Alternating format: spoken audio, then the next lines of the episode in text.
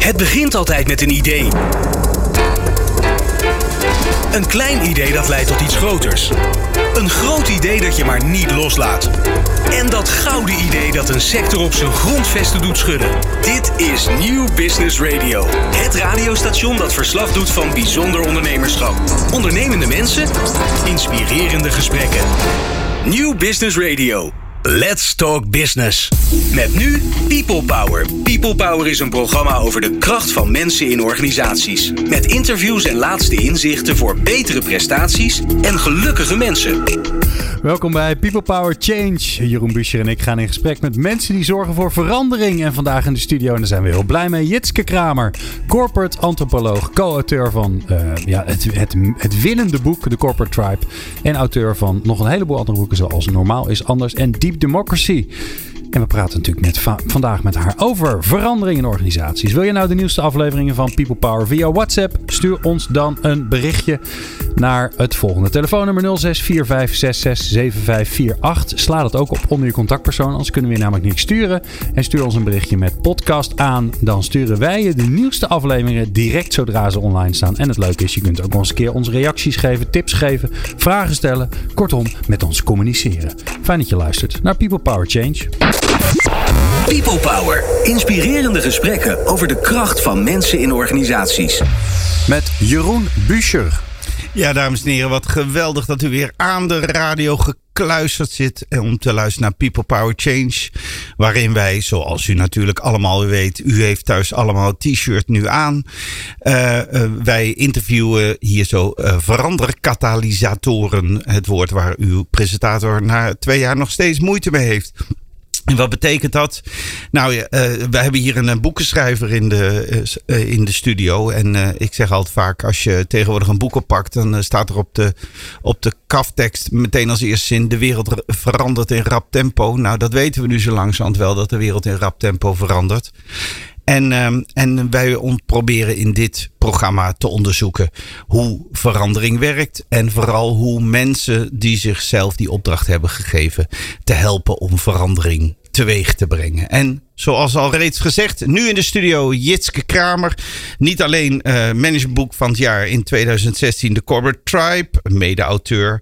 Uh, ook schrijf van Deep Democracy, Building Tribes en sinds kort Jam Cultures. Jitske, heel erg welkom. Dankjewel. Eerste vraag, en die wist je al. Wat heb jij nodig om te kunnen veranderen? Lef. En wat is lef voor jou? Lef is voor mij dat je, uh, volgens mij weet je bij geen enkele verandering hoe het er aan het eind precies uit gaat zien. Dus lef helpt als je weet wat je moet doen. Dus het kunnen helpt, je kan daarvoor oefenen. Maar dan nog, ook al kan je iets heel goed, je moet dat eerste stapje nemen. En dat eerste stapje in een verandering is voor mij altijd het ongewisse instappen. Niet precies weten wat er gaat gebeuren. En daar eigenlijk ook nog lol in hebben. Want dan, ja, dan kan je mee bewegen. Dus lef om die eerste stap te nemen en daarna erop te vertrouwen dat het gaat zoals het moet gaan. Dat is toch onnatuurlijk? Ja. Dus je hebt een genetische afwijking. Ja, en daar ben ik heel blij mee. ja. Nee, het is niet onnatuurlijk. Het is tegelijkertijd ook nat. Dus we zeggen altijd mensen zijn routinebeesten. En dat is ook zo, denk ik. Dus we willen graag doen wat we al wisten en, en in routine door kunnen gaan.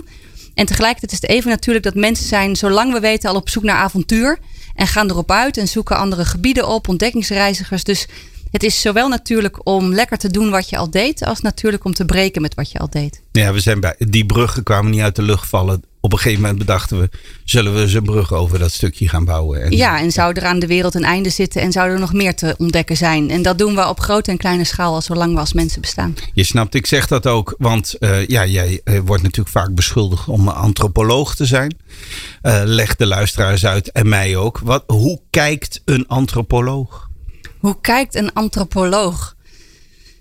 Ja, ik, ik denk dat het, het is de studie die onderzoekt hoe mensen culturen vormen en hoe culturen op hun beurt mensen weer vormen. En, um, en eigenlijk kijkt een antropoloog, ik vind een hele mooie zin, dus de antropologie maakt vertrouwd wat vreemd is en vreemd wat vertrouwd is. En ik hou van die zin, weet je wel. Dus alles wat je vertrouwd is, je kijkt er lang naar, is eigenlijk best wel raar. En alles wat je nu raar vindt, je kijkt er langer naar, denk je, ja, wel logisch. En ik denk dat daarmee met een antropologische blik iedereen, of een antropoloog in ieder geval, in een voortdurende staat van enige verwarring is. En ik vind dat heel leuk om die met mensen te delen. Je staat veel podium, met name in het bedrijfsleven. Ehm, de antropoloog die naar het, laten we het even, Nederlands bedrijfsleven kijkt. Wat neemt hij waar?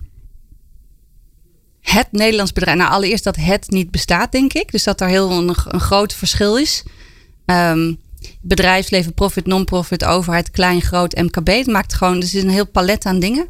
Um, dus ik maar weet dat, niet. dat zou de antropoloog ook altijd over de Nederlander zeggen, toch? Ja, en je hebt, je hebt een soort overkoepelende identiteit en subidentiteit. En dat is één organisatie heeft niet één cultuur. Ik moet altijd denken aan. Als ik, ik woon in Utrecht. Utrecht heeft verschillende wijken. En elke wijk heeft een eigen identiteit en een eigen signatuur. Maar samen is het wel Utrecht en geen Amsterdam. Ja. Dus, dus het, de antropoloog zou altijd kijken wat is binnen een bepaalde groep de norm en hoe ziet de cultuur daaruit. Weten dat er binnen die groep altijd subculturen zijn. Zoals in je eigen familie elk gezin ook weer net iets anders is. Maar laten we dan op het hoogste niveau. Wat neemt de antropoloog waar als het over Nederlandse cultuur in het bedrijfsleven gaat? Wat hebben we toch wel veel gemeen? Ik denk dat een van de dingen die ik, die ik zie, zeker als ik vanuit een internationale blik kijk, is dat uh, uh, Nederlanders in de mythe geloven dat we zo tolerant zijn. Ook in het bedrijfsleven. Ja, dat is wat eerst wat mensen zeggen. Wij zijn zo tolerant. En, uh, en ik denk dat dat, ja, dat, en we zo direct is een andere. Dat is dan de mythe ook die we erop geplakt krijgen. En ik denk dat we, ja, we kunnen heel direct zijn. Maar als het om dingen gaat waar het eigenlijk om moet gaan, weten we ook heel goed daar vooral omheen te lopen. Dus um, een soort tolerantie, maar dat kan je ook onverschilligheid noemen. Of er een beetje omheen en net niet het echte gesprek aangaan. Terwijl we denken dat we dat wel doen. Ik denk dat dat is een van de dingen die ik, uh, die ik daarin wel zie. Um, ik weet niet of het Nederlands is, maar toch wel. Ja, de verzuiling is afgeschaft. Maar ik vind het toch wel heel prettig om, om dat een beetje zo in, in hokken te delen. En andere die ik heel interessant vind, internationaal gezien, is als je op internationale congressen kijkt, dat de Nederlander al gauw degene is met de stift bij de flip over en zegt: Ik doe de presentatie wel. En heel hard aan de, aan de slag is. Het gevoel heeft dan ook taakgericht echt van alles voor elkaar te krijgen. Terwijl ondertussen op allerlei andere plekken de echte gesprekken plaatsvinden en, en de informele gesprekken en de besluitvorming. En die Nederlander is dan heel hard ja, zijn do's en don'ts uh, rond te krijgen. Terwijl die mist dan het werkelijke gesprek. Dus het niet goed zien wat er echt gebeurt. Ik meen een facet van de bril te zien. Ik hoor twee keer zoals het gesprek zou moeten gaan. En, en ik hoor een moraal. Wat, kijk Jitske Kramer vanuit een bepaald soort moraal naar haar werk? Um, ik ja, weer niet, denk ik. Dat denk ik dat iedereen dat wel doet. Um, maar voor wat mij, is die dan? Voor mij is het in ieder geval dat het uiteindelijk om mensen gaat. En dat we, um, dus de moraal die ik in dit verband zie, is dat wat is nou de werkelijke wereld? Is dat de papieren wereld? Is dat de wereld tussen mensen? Is dat de formele hiërarchie, de informele hiërarchie? En dat we daarin ja, uh, schotten zetten of schiftingen maken die eigenlijk helemaal niet per se hoeven. Dus um, een informele wereld afdoen als informeel, terwijl die een soft als afdoen in plaats van hard skills. Weet je, het zijn, zijn schot of categorieën waar ik niet zoveel mee kan.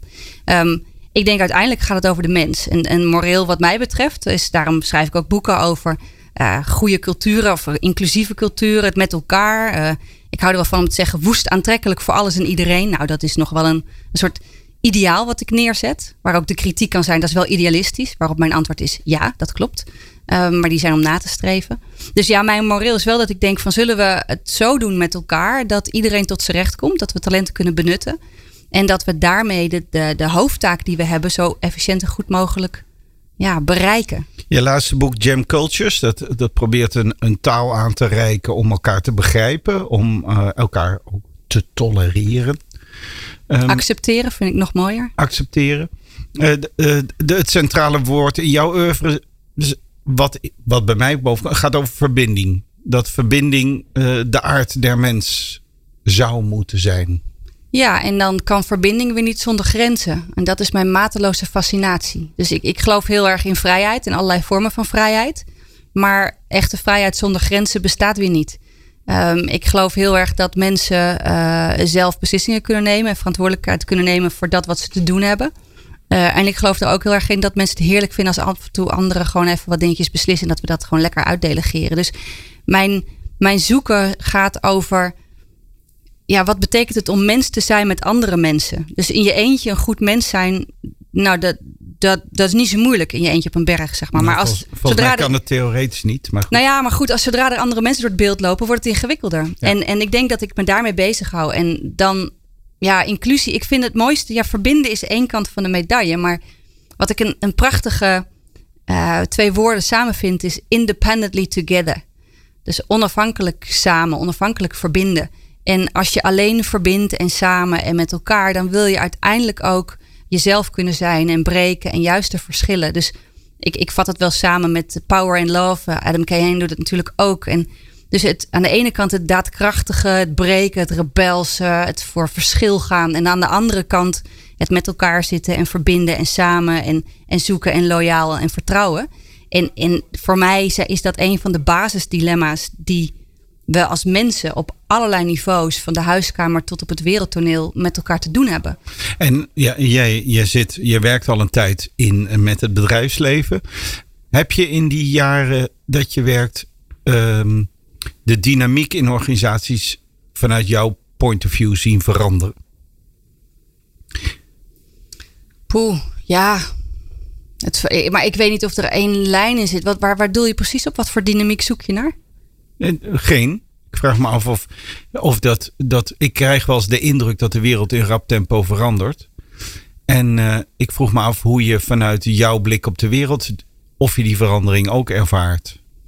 En hoe je hem dan ervaart? Nou, wat, wat, wat ik denk wat we allemaal zien, is de enorme uh, vlucht van het zelforganisatie en zelfsturen. En, en de uitwas daarin dat we leiderschap niet meer nodig zouden hebben.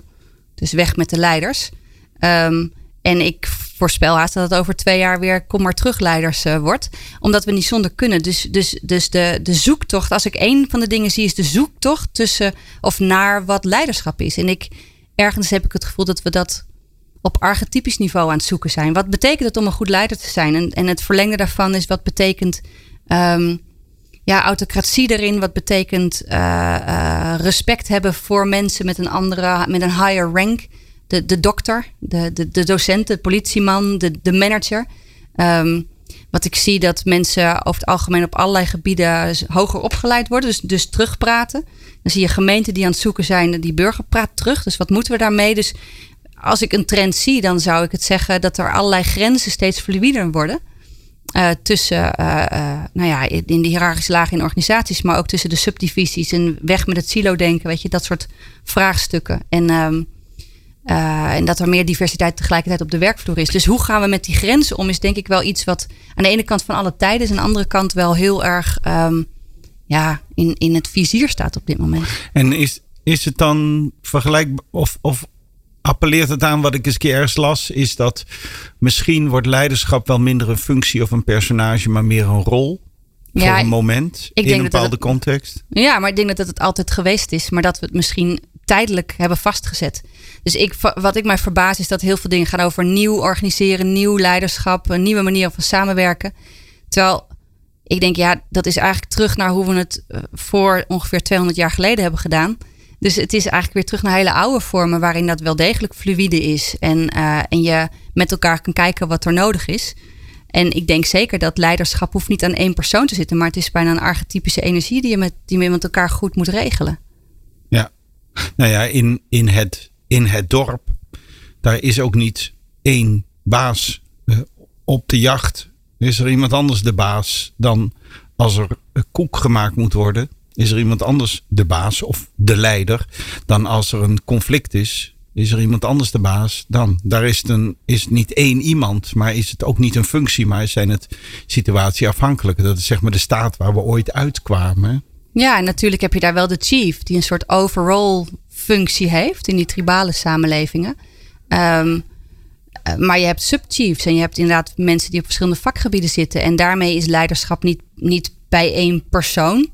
Um, maar moet wel degelijk vervuld worden. En ik denk de gedachte van, nou, dan kunnen we het zonder leiders, daar geloof ik niet in. Ik denk dat we als mensheid leiders nodig hebben. De vraag is wel wat die leiders moeten doen. En, en ik denk dat de rol van een leider is, als je kijkt naar hoe vormen mensen cultuur. Ik denk dat een leider daar een belangrijke rol in moet spelen. En cultuur vormt zich in interactie en besluitvorming. Het zijn eigenlijk de twee basismechanismes uh, van een cultuur. Dat maakt dat we met elkaar te maken hebben. Ja, en dat we met elkaar dingen vormen. Dus als ik cultuur echt heel kort uitleg, is het uh, niks heeft betekenis van zichzelf. Al het gedrag is er gewoon, maar daar kunnen we niet in leven. Dus moeten we daar samen betekenis aan geven.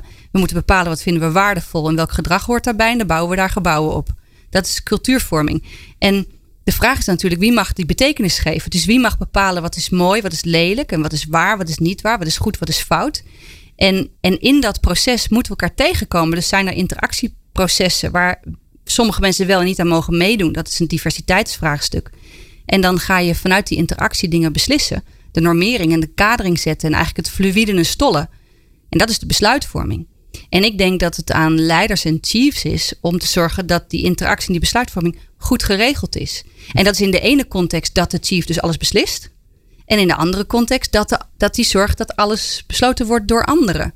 En hoe dat eruit ziet, ja, dat is het unieke antwoord wat een organisatie of een cultuur uniek maakt. Wel beslissen dan ook in de zin dat het uitstijgt boven een persoonlijke smaak of visie, maar dat het het meest wijze richting is gezien de geluiden die opgepikt zijn. Ja, ik denk dat dat het meest duurzame is. En ook uiteindelijk de hoogste kwaliteit heeft. Ja. Um, je zegt uh, duurzaam. Um, de, de, de, perceptie is vanuit, vanuit mijn bril dat um, uh, de reden waarom wij al die organisaties hebben gebouwd weer belangrijker begint te worden. Dus dat de navelstaarderij. Ik heb laatst op, op LinkedIn gereageerd op iemand, een beleggingsstratege, die zei: Ja, bedrijven zijn er om winst te maken. En ik schrijf, nee, u zit nog in de 20ste eeuw. Daarin is iets veranderd. En ik kreeg ongelooflijk veel bijval. Niet dat mijn daarom te groen was, maar dat vond ik wel als resonering een helder, uh, helder signaal. Um, als, als je dat beaamt, je zit nu te knikken, dit is radio.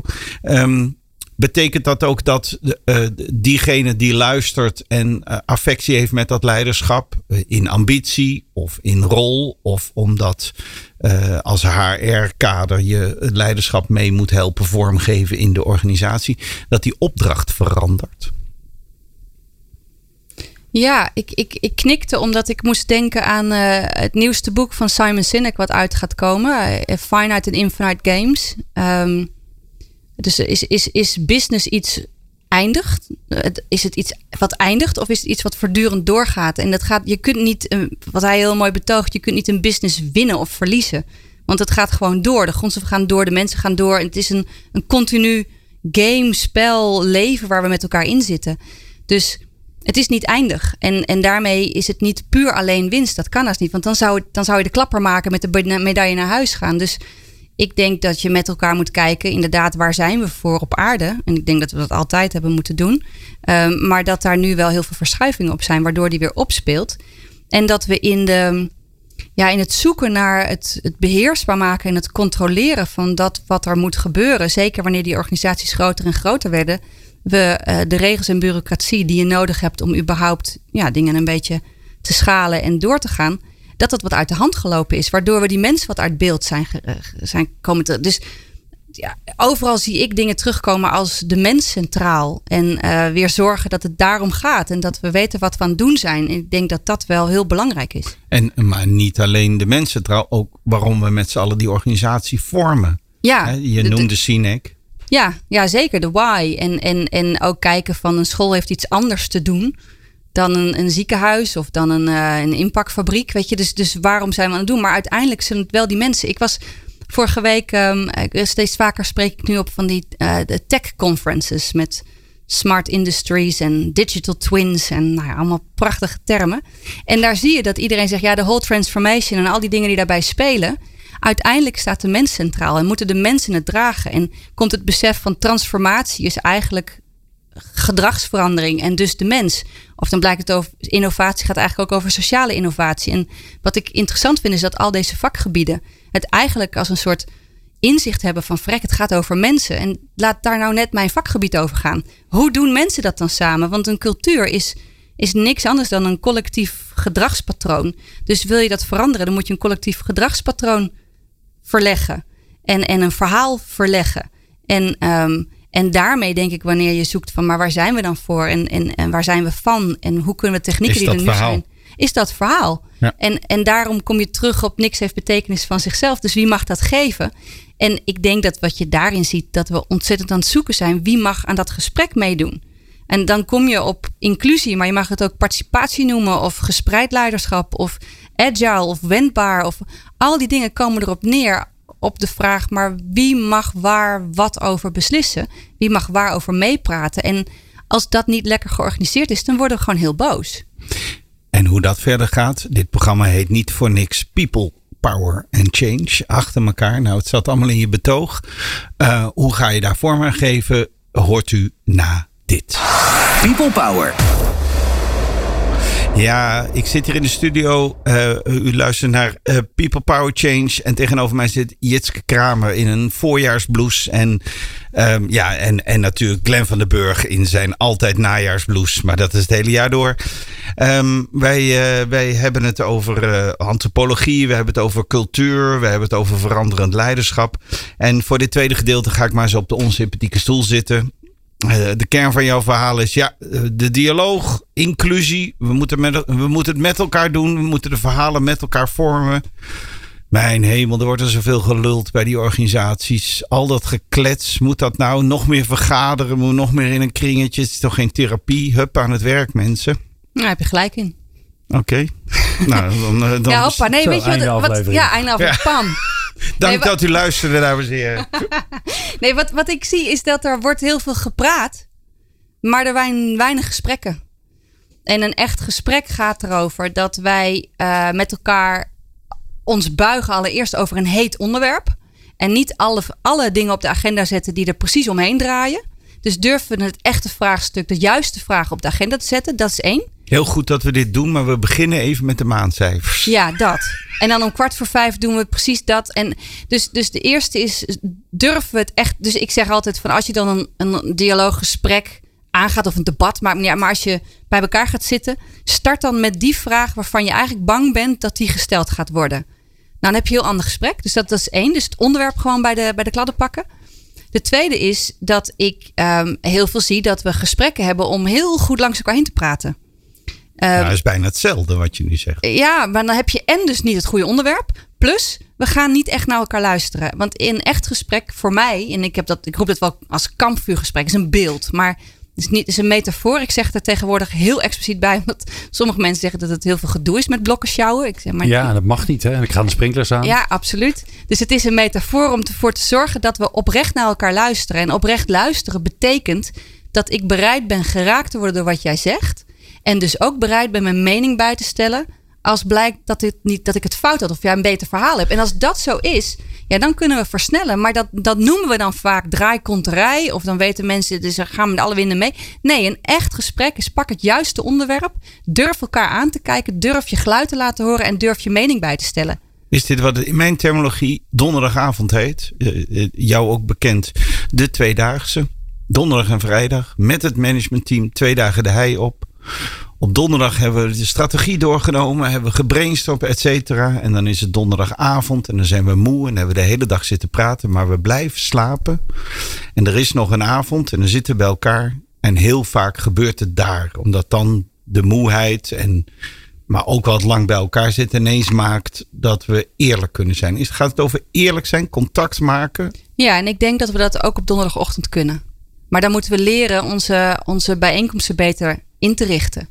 En, uh, en moeten we naar lef, ik begon met lef, moeten we het lef hebben om te zeggen. Wat, daarom noem ik in het boek ook jam sessies. Dus het is als jammen. Als ik mijn geluid niet laat horen, dan komen we nergens. Ik ga zeggen wat mij echt uh, aan het hart gaat. En dan weet ik niet wat er gaat gebeuren. Dus dat is onzeker. Maar daar moeten we doorheen. En, en waarom niet? Waarom doen we het niet? Wat houdt ons tegen? Nou, als ik iets zeg wat anders is dan wat mensen verwachten wat anders is dan de norm, dan is over het algemeen niet de reactie van de groep: Goh, wat leuk. Ze hebben er nooit naar gekeken. Dan is over het algemeen de reactie: Nou ja, doe normaal. Of hoezo? Of, of wat? En dat komt omdat als je kijkt terug naar wat is cultuur, niks heeft betekenis. We hebben het samen betekenis gegeven. Er zit een normering en dus een ranking stelsel en een privilege-stelsel aan vast. En ik ga iets zeggen wat dat ter discussie stelt. Dat betekent per definitie dat het ook gaat rommelen aan de macht. En aan hoe de, de kaarten nu geschud zijn. En dat is spannend. Dus, en, en wil dat zeggen dat nieuwe professionaliteit, ik maak een meta, betekent uh, dat je pijnlijk nooit mag negeren? Zonder door de pijn te gaan zal er geen echte transformatie plaatsvinden. En dus wat ons tegenhoudt is dat we het pijnlijk, gênant, risicovol, et cetera vinden. En daarom slagen we er minder in om die verbinding te maken en samen in de samenwerking succesvol te zijn. Dat denk ik. En ik denk dat we in een soort. Kijk, verbinding het, het, het heeft een soort twee componenten. Dus aan de ene kant wil je. Wij hebben verbinding als wij samen, dat zeggen we ook allemaal, passie voor iets hebben. En vuur en vlam staan en, en ergens echt voor gaan.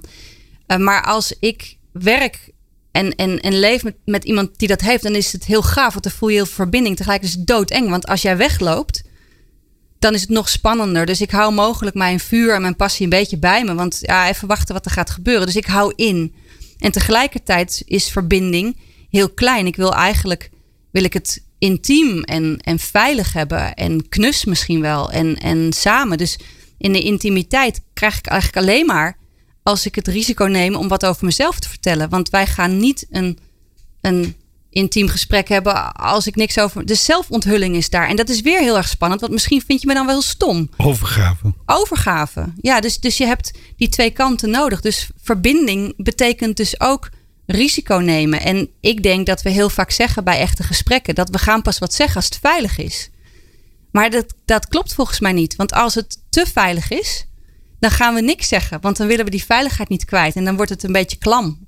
En als het te onveilig is, en dan, dan vind ik het ook heel spannend. Maar dan zeg ik, ik ga pas praten als het weer veilig is. Maar dan zit je in het spel van truth and dare.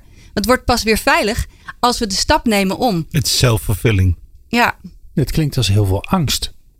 Angst om dingen kwijt te raken, om mensen dat ze je niet leuk vinden, dat ze. Ja, ik denk dat dat ook wel een van de um, basisangst, dat je uit de groep gezet wordt. Volgens mij komt het heel erg neer op, op het hele oude menselijke kleine erbij horen. erbij horen op allerlei manieren. Heb je, nou, um, heb je nou een voorbeeld uit een. Want dat lijkt me zo het mooie van jouw vak. Dat je, dat je vanuit al die culturen die jij uh, ziet, uh, bestudeerd hebt, dat je daar rituelen langs ziet komen die daar een oplossing voor zijn. Omdat wij er, er natuurlijk al eeuwenlang last van hebben. Van die angst om buitengesloten te worden, terwijl die eerlijkheid wel belangrijk is. Ja, er zijn er zoveel. En, en, en het mooie is dat ze heten niet zo. Dus, dus, het, dus het is niet hier heb je ritueel erbij horen of zo. We hebben natuurlijk allerlei onboarding programma's in organisaties. En zo heb je ze ook uh, initiatierieten. Uh, uh, dus dat zijn zorgen dat je identiteit overgedragen wordt aan de volgende generatie. We hebben de rituelen thuis met verhaaltjes vertellen aan je kinderen bij het slapen gaan. Dat is ook een ritueel. Um, de jaarlijkse uh, de, de cadans van, van kerstmis zorgt ook dat je met elkaar in een ritme komt. Dus ritmes überhaupt, ongeacht wat we doen, geven ons erbij horen. Waarom we het ook heel lastig vinden dat opeens de Ramadan komt. Dan hebben we een ritmestoornis. Maar wat moeten we daar? Hoe past dat dan weer in het geheel? Um, en welke, welk ritueel breng jij in? Ja, dat hangt af van de vraag. Dus het kan soms zijn. Um, er wordt te veel, te snel over elkaar heen gehold en gepraat. Dan vind ik het interessant om te leren van de kwekers die in stilte vergaderen. En dan breng ik de stilte in. En um, op andere plekken is er eigenlijk zoveel stilte. Dan ga ik meer naar de screaming conversations uit Zuid-Afrika, wat we vanuit Deep Democracy gebruiken. Van, kijk, een goed gesprek is niet alleen maar een dialoog. If there's screaming, start with screaming. Dus dan screaming conversations zijn waar je het debat ingaat en dan ook goed. En dan ook zorgen dat wat er tegenover elkaar staat, tegenover elkaar staat. En dan krijg je weer de paradox dat als we het verschil in durven duiken, dan krijgen we meer verbinding. Terwijl we denken we krijgen veel verbinding door te doen alsof we er hetzelfde in staan. Maar dus, dus het is de hele tijd zoeken welke, welke tegenhanger van wat er nu, uh, uh, waar het nu op vastloopt, is er nodig om weer beweging te krijgen. Maar het is, het is ook een pleidooi voor twee bijna Polen. Ik was uh, tegen Polen. Ik was deze zomer in Japan. En dat is een heel collectivistische cultuur. En dat vond ik heel intrigerend, antropologisch. En ik realiseerde mij ook wel um, hoe individualistisch van nature onze cultuur is. Um, eventjes voor de luisteraar. Ik heb je het verhaal net verteld. Um, dat, dat als je in een restaurant in Japan zit en je wordt goed bediend door de ober. Dat het verboden is of dat het zeer gênant is om de ober een compliment te geven. Dat heeft u goed gedaan. In Japan moet je zeggen, uw team heeft ons goed geholpen. Want de ober doet het immers niet alleen. Er staat iemand in de keuken, maakt iemand het toilet schoon, et cetera. En, en uh, ik hoor die twee componenten. Ik hoor het individualisme. Ik moet mijn stem, mijn autonome stem, alsof die los van de groep zou kunnen bestaan. Jij weet ook wel beter dat die stem niet een stem is die los van de groep staat. Maar tegelijkertijd, volgens mij hoor ik je ook zeggen, en we moeten dat kunnen verbinden met collectivisme. Dat we ook ons aanpassen aan elkaar. Ja, kijk, waar, het dan op neerkomt, is, dat wordt ook wel de inclusieparadox genoemd. Um, is de, het appel wees jezelf en pas je aan. En dat mag je individualistisch collectivistisch noemen. Dat zijn mooiere woorden ervoor. Maar wees autonoom en wees deel van de groep. En weet, ik, weet wanneer je moet gedragen. Ja, en, en wat je ziet is dat ieder mens op deze wereld, ook de Japanners die je bent tegengekomen, vinden het fijn om als persoon gezien te worden. En ieder mens vindt het fijn om als groepslid gezien te worden. Het is wel zo dat het verschillend is per culturele context waar, waar de voorkeur naar uitgaat. Dus uh, we hebben hier in Nederland over het algemene normering dat het fijn is om, om ja, de, de, de, de medewerker van de maand te hebben. Sticker erop, bam, hebben we gewonnen. Dat is, dat is lekker. Dan moet je in Japan is dat niet per se goed. Net als dat het hier ook wel heel fijn is als je als team wint. Dus wat we hier zien is dat er veel meer aandacht ook moet zijn voor de teambuilding, want dat moet met elkaar. En en in Japan of Afrika of Latijns-Amerika of andere plekken waar collectivistische, eh, of Brabant, uh, het is ook om de hoek, um, waar, waar dat meer staat, dan, dan dus het is elke keer zoeken op welke kant van de wees jezelf en pas je aan kant, is er beweging nodig om verdere vooruitgang te boeken. En voorwaarde is dat we steeds durven kijken en durven benoemen naar wat er werkelijk speelt in mijn ziel. Doet mij dit pijn? Voel ik me hier wel bij? Maar ook wat heeft de groep, wat heeft de ander nou? Ja, wat gebeurt er in de ziel van de tribe? Dus, dus dat is weer allebei tegelijk. En, en um, uh, wat heeft de groep nodig, wat heb ik nodig? Uh, dus de, dat, dat, die cultuurvorming gaat daarover. En dan is het fijn op het moment dat ik daarin dingen mag beslissen, of de groep waartoe ik behoor, dan heb ik definitiemacht. En als ik definitiemacht heb, dan heb ik behoorlijk ja, invloed op wat wij mooi en lelijk, waar, niet waar, goed en fout vinden. En als ik daar invloed op heb, dan heb ik waarschijnlijk ook net iets meer, zit ik dichter bij de bonusstructuur en heb ik net iets meer salaris of zakgeld. En op het moment dat iemand dan zegt, we kunnen het ook anders doen, dan kan ik zeggen, nou ja, weet niet. Want daarmee, dus cultuur geeft, geeft kader, geeft normering, geeft een richtlijn daarmee. Maar cultuur is ook, je zou, is ook een wapen, is ook macht. En ik denk dat we die heel vaak niet expliciet maken, maar wel in de onderstroom zitten. En dat we daarom in allerlei gesprekken zo voorzichtig zijn. En dan krijg je inderdaad vergadering naar vergadering naar vergadering. En er wordt eigenlijk niks gezegd, maar dan wordt nog een vergadering belegd om dat dan over te hebben. En dan zeggen we ook, dat, ja, er wordt eigenlijk, ja, er is iets, maar we zeggen het niet. En dan kunnen we daar weer heel lang over hebben. Terwijl ik denk dat je je beter die interactieprocessen goed kan inrichten. En dan het lef hebben om daar te doen wat gedaan moet worden, passend bij de cultuur van die specifieke organisatie in die tribe. En dat ziet er in elke organisatie anders uit. Ik luister naar dit programma. Ik werk bij een weet ik waar zorginstallatie, eh, een energiebedrijf, een hoogheemraadschap, maakt niet uit. En ik herken dit. Ik herken dit en zeg ja, bij ons wordt er veel gepraat, maar weinig gecommuniceerd. Of hoe het, er wordt veel gezegd, maar weinig gepraat. Het is maar welke woorden je eraan geeft. En ik, ik luister naar Jitske Kramer en die denkt daarover na. Wat zegt Jitske Kramer tegen mij wat ik morgen moet doen? Wat moet ik morgen anders doen? Als je of zeggen wat je te zeggen hebt op de plek waar je denkt, daar kan het wel. Dus neem, het, neem zoveel risico's dat je aan kunt.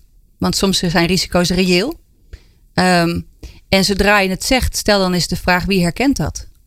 Want je bent nooit de enige. Dus heel vaak denk ik, zal misschien de enige zijn, laat maar even zo. Maar uh, mijn ervaring laat zien, uh, is dat er is nooit maar één die iets denkt, vindt of voelt. Dus er zijn er altijd meer. Uh, dat is één, dus zelf praten. En als je zelf ja, niet zo'n per se heldere mening hebt, dan zullen er anderen zijn die het hebben, maar niet zeggen.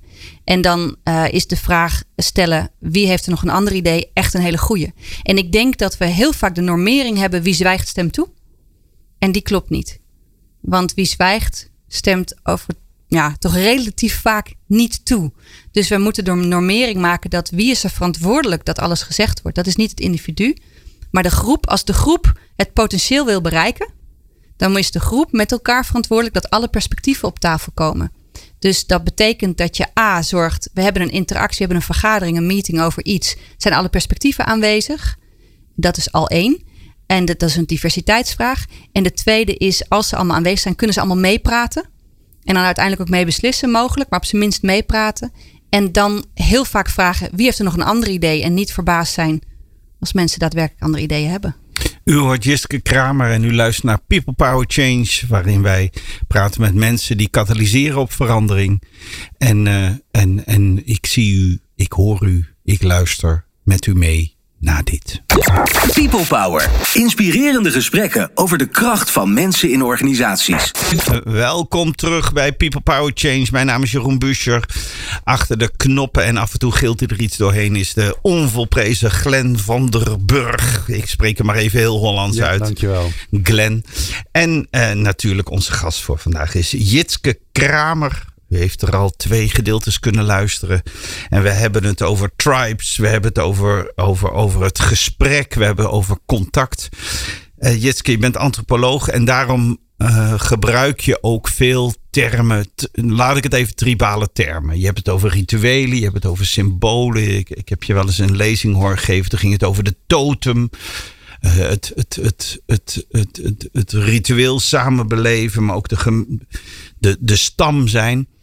Wat, wat, welke rol speelt symboliek en ritueel? Wat, waarom is dat voor jou zo belangrijk? Waarom is dat voor een groep zo belangrijk? Ja, ik denk, nou, voor mij is één ding, maar ik denk voor mensen is het heel belangrijk. Want ook in kantoorgebouwen hebben we, zijn we pakketjes emoties. Met verhalen en dingen waar we in geloven of niet in geloven. En ehm, je zou cultuur kunnen zien als een collectieve mythe. Collectief sprookje waar we in zijn gaan geloven. Dat verhaal het steeds Ja, over en, en, en ja, hoe hou je dat bij? Ja, met rituelen. En met, eh, dus eh, je kan ook zeggen, cultuur is iets wat geleerd, gedeeld en doorgegeven wordt.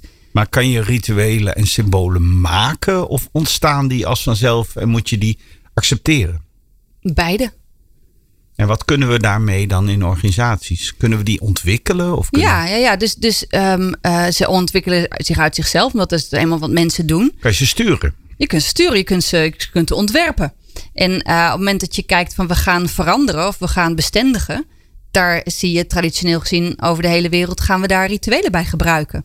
Maak eens concreet. Bedoel Nou, ritueel die we allemaal kennen. Als je een overgangsritueel hebt van de lagere school naar de middelbare school, dan doe je een schoolmusical. En zonder schoolmusical is het niks.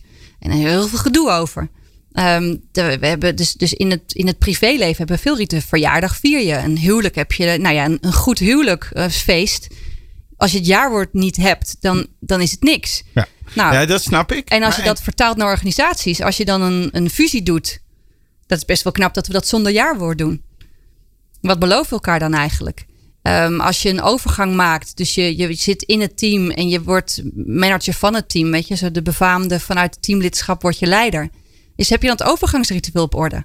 Of ben je dus gemaakt tot leider? En ehm, Oh, daar heb je de volgende. ja, precies. En door. En een e-mailtje. Terwijl je kunt daar een ritueel van maken. En een ritueel hoeft niet bombastisch en eh, ehm, heel veel geld te kosten. Kan je, kan je het voor ons tactiel maken? Heb je wel eens een ritueel gedaan met een organisatie waarvan je denkt, daar hebben de mensen wat aan en daar ontstaat een cultuur of een doorbraak of dat goede gesprek daardoor?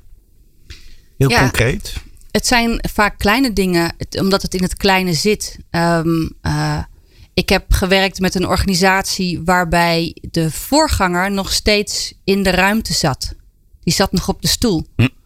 Dus op het moment dat iemand een beslissing wil nemen, dan werd nog steeds gezegd: Nou ja, zeg, la- laat, zeg, laten we hem Henk noemen. Wat zou Henk zeggen? Ja, de oprichter Dat, je voelt het gewoon gelijk. Dat jij denkt, oh god. The spirit is not gone. en Nou, dat snap kennen je we hoe ik allemaal. me hier voel in dit radioprogramma? Hè? Dat begrijp je nu wel ineens. Hè? Je wil dat ik wegga, Jeroen. Is dat het? Dat Jij kan niet eens weg. Ja, dus als je daar wat mee wil. Ik, ik werkte met dat team en dat ik zeg, ja, maar als je dat wat oneerbiedig zegt, de spirit is niet uitgerookt. Hij is niet weg. En, ehm, en dit wilde het geval dat dit team ook nog werkte in de kamer waar deze beste meneer had gezeten, die daar ook atypisch zeer zwaar groot mobilair ooit had uitgekozen. En daar zaten ze nog middenin. Dus ze zaten gewoon nog in zijn biotoop. En dan maak je een ritueel. Ik zei dus een overgangsritueel is dat zorgen dat je dan met elkaar daaruit gaat. En in dit geval was het, eh, ga maar sjouwen. Ga de meubels er maar uitzetten. Zorg dat hij weggaat en dat het past. Dus een ritueel, hoe maak je die? Ja, altijd passend in de context waarin je zit. Uh, deze mensen zeiden van ja, dat waren allemaal techneuten. Die zeiden, weet je, we zijn niet van die rituelen en dingen. En dan noem je het niet zo. Dan noem je het gewoon uh, kamer verbouwen. En, uh, en, en regel even een, een, een, boedelbak, dat die spullen weggaan. Daarna ga je bier drinken, schoon schip. Eten, schoon schip. En dan ga je tijdens het bier drinken, ga je vragen, goh, wat waren de goede dingen aan Henk en wat waren de slechte dingen en hoe kijken we naar de toekomst. En dan ga je dat gewoon doen. En en dan heb je eigenlijk ben je een ritueel, een overgangsritueel aan het maken. Wat de kenmerken heeft van, uh, nou ja, over de doden niks dan goed. we gaan kijken naar wat er was en wat er gaat komen. En dan ga je door en dan, dan zoek je iets wat past binnen deze organisatie. En dit, dit denken en dit zo benoemen, dat slaat aan. Jouw, jouw boeken en jouw lezingen verkopen goed, omdat mensen zich daarin herkennen. Ze zien een leegheid in dat ritueel en ze zien ook de noodzaak dat dat dus kan helpen weer. Wat ik heel veel hoor is dat mensen zeggen: je geeft stem aan wat ik wist, maar niet, ja, geen woorden aan kon geven. Een oerbehoefte. Um, en wat ik beschrijf zijn antropologische wetmatigheden. Dus als er bepaalde rituelen niet gedaan zijn, dan kan je haast voorspellen dat het misloopt. En dat kan ik uitleggen aan de hand van, uh, nou, je hebt, in antropologie heb je een prachtige term, die heet liminaliteit, het ondertussen. Dat, eh, dat, is, dat is het gebied waarin we in transitie zijn. En daar zit vaak initiatierituelen bij. Dus je, je, je was een jongetje, je moet een man worden en dan ben je even een tijdje geen van beide. Dat is een transitieperiode. Um, en die gaat altijd gepaard met overgangsrituelen. Nou, als wij in een organisatie, we hebben situatie A, we, we besluiten met een big bang, je hebt nog wel de, de werking ernaartoe, dan heb je nog een kick-off. En dan eigenlijk hopen dat het vanaf morgen anders is. Maar dat is niet zo, want dan is de chaos. Ja. En die chaos doen we, die willen we, zo, willen we minimaliseren. Vaak zetten we in die chaos, zorgen we ook dat we dan niet meer met elkaar praten. Met andere woorden, de trainingen worden tijdelijk stopgezet, zodat we door kunnen.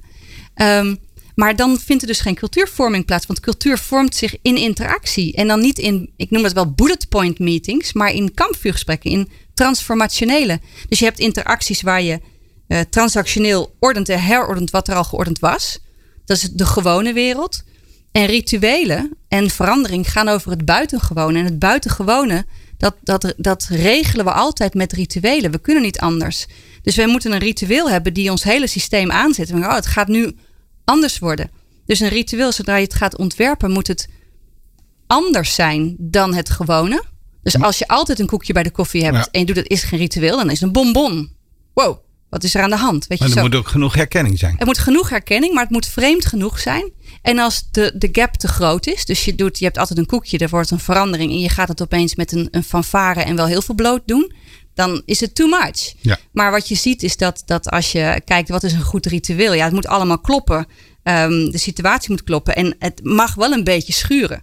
Dus een goed ritueel heeft toch altijd wel wat humor, wat seks, wat, wat, wat drama, wat macht, wat machtsmisbruik. Zodat er moet, wow, er is iets aan de hand, zodat we allemaal zien, het gaat niet meer zo zijn zoals het was. Het mag theatraal. Het moet theatraal, maar wel passend bij de context. Dus, dus een, een theatraal ritueel in een fabriek in de achterhoek is een andere dan eh, op een fanfare terrein in Rio de Janeiro. Dus geef je ons nu een soort ritueel instructies, moet ik het zo zien? Hoe Wil je dat? Nou, ja, eigenlijk wel. Hoe ontwerpen? How to. Ja, hoe, ont hoe ontwerpen? Ik pak even, pak pen en papier. Pak pen en papier. Wacht even, ik nou, bestel het boek gelijk even. nou ja, de eerste is wie is de ritueel begeleider? Dus uh, de chief hebben we. Dus even in een tribe. Je hebt een chief, die regelt al het gewone. Uh, en de, het buitengewone wordt geregeld door de magier. Door de shamanen. En uh, als ik uh, in Togo was ik en sprak met een voodoo-priester en die zei: Weet je, de, de, de chief is de burgemeester, die regelt het gewone. En de magier regelt het buitengewone. Dus de eerste is wie mag het gaan begeleiden en mag die gekke dingetjes doen. En heb je je interne magiërs, dus dat zijn de mensen met een vrije rol. Je hebt altijd interne coaches rondlopen of vanuit HR of die ene leider die, die maffe dingen mag doen.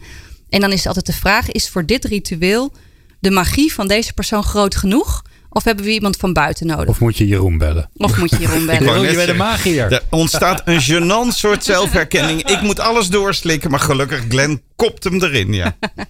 dus, dus de eerste is, hoeveel magie hebben we nodig? Hoe, hoe buitengewoon is het? Nou, dan ga je het ontwerpen. En dan moet de stage setting kloppen. Dus als je gaat denken over we gaan naar een toekomstvisie kijken en we gaan een stip op de horizon zetten, je gaat dan niet in een kelder zitten, weet je? Dus, dus dan moet je dat. Dus de stage setting moet kloppen.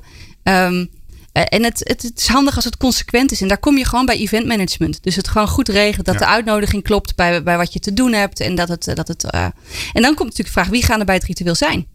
Dus welk verwantschapssysteem nodigen we uit? Dus denk maar aan de groep 8 musical is niks als opa en oma niet zijn uitgenodigd. Dat, dat kan eigenlijk niet.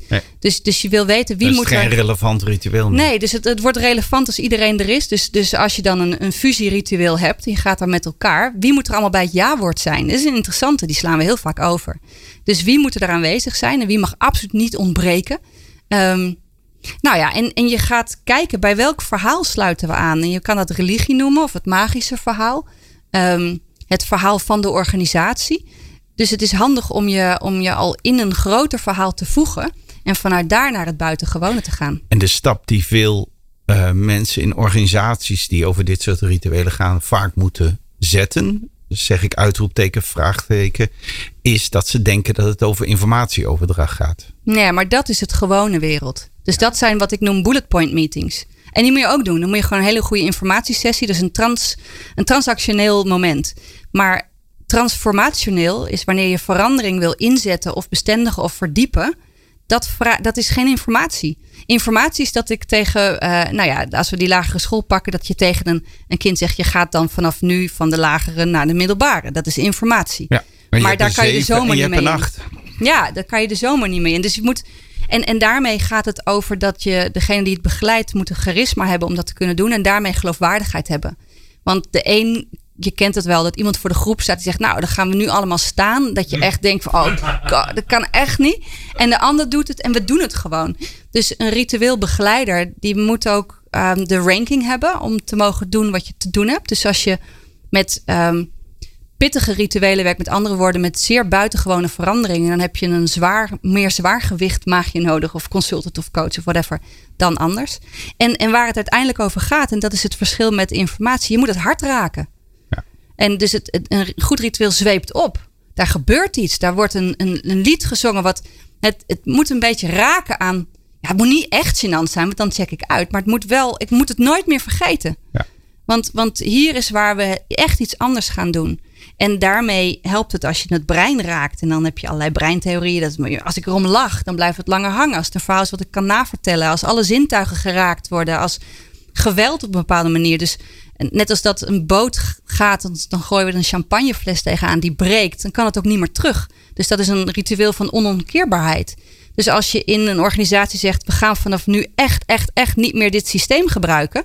Ja, dan moeten we iets breken. En maar dan moet je het ook zo breken dat het systeem, dat we ook echt niet meer terug kunnen. En dat vinden mensen vaak heel eng. Want een goed ritueel, als het een overgangsritueel is, sluit ook de poort af naar hoe het was. En dat betekent dat je, dat je in dat ondertussen duikt. En daar gaat onderzoeken wat die chaos is. En dat moet je begeleiden. En dat is weer de rol van de maagje, die, die voortdurend die gesprekken moet begeleiden met uh, ja, wat gaat er nu gebeuren.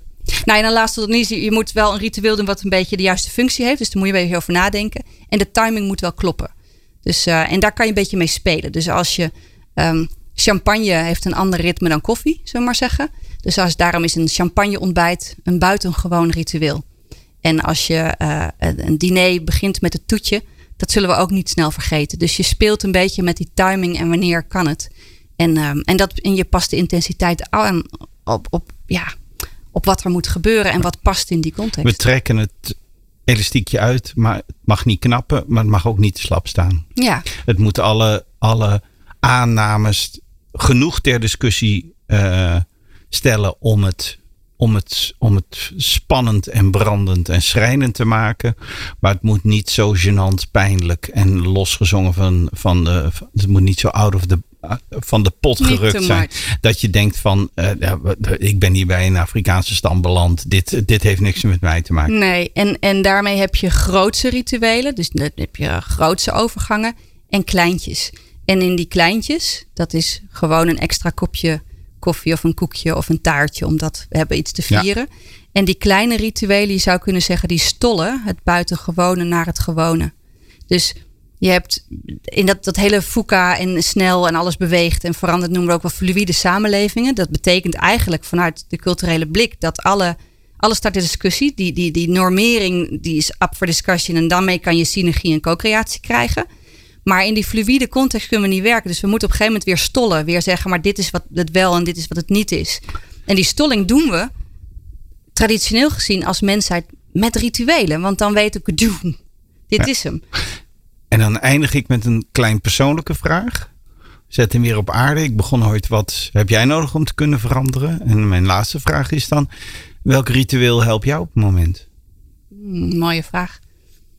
Um, ik ben begonnen, dat is een, een startend ritueel. Ik ben uh, aan het sporten. dat klinkt voor heel veel mensen heel klein. Maar voor mij is dat dus het, het met een personal trainer en het weer eigenlijk terugkomen in mijn lijf. En mijn lijf goed blijven voelen in de drukte waar ik in zit. En, um, en de informatie van mijn lijf uh, uh, blijven voelen. En dat betekent dat het voor mij belangrijk is dat ik in mijn leven de routine, maar daarmee ook een ritueel. Dat is, routine lijkt een ritueel, maar dat hoeft niet zo te zijn. Dus een geladen routine is een ritueel. Uh, terugbreng eigenlijk um, door heel gezet elke dag. Uh, al is het maar vijf minuten, heel actief dat lijf een beetje op de proef te stellen. Marlie Huijer zei ooit rituelen die, de denkster des vaderlands, de vorige, uh, die zei ooit van ja, een ritueel is bedoeld om een gat in het plafond van de profane wereld te maken, om zo in de spirituele wereld te komen welke wereld brengt dit sport jou naartoe? Um, ik denk de wereld van het voelen en het niet denken. U hoorde Jitske Kramer. Haar laatste boek Jam Cultures ligt nu in de boekhandel. En binnenkort komt het boek over voodoo uit. Titel? Voodoo. Met de ondertitel Kan je een beetje in iets geloven? En ik heb heel erg vandaag in de geloofd. En ik dank Glenn van den Burg en vooral Jitske Kramer voor dit uur. En u natuurlijk, sorry voor de aanwezig hier, het allermeest. Dank u wel voor het luisteren naar People Power Change. En hopelijk tot snel. Safe. Meepraten of meer programma's? people-power.nl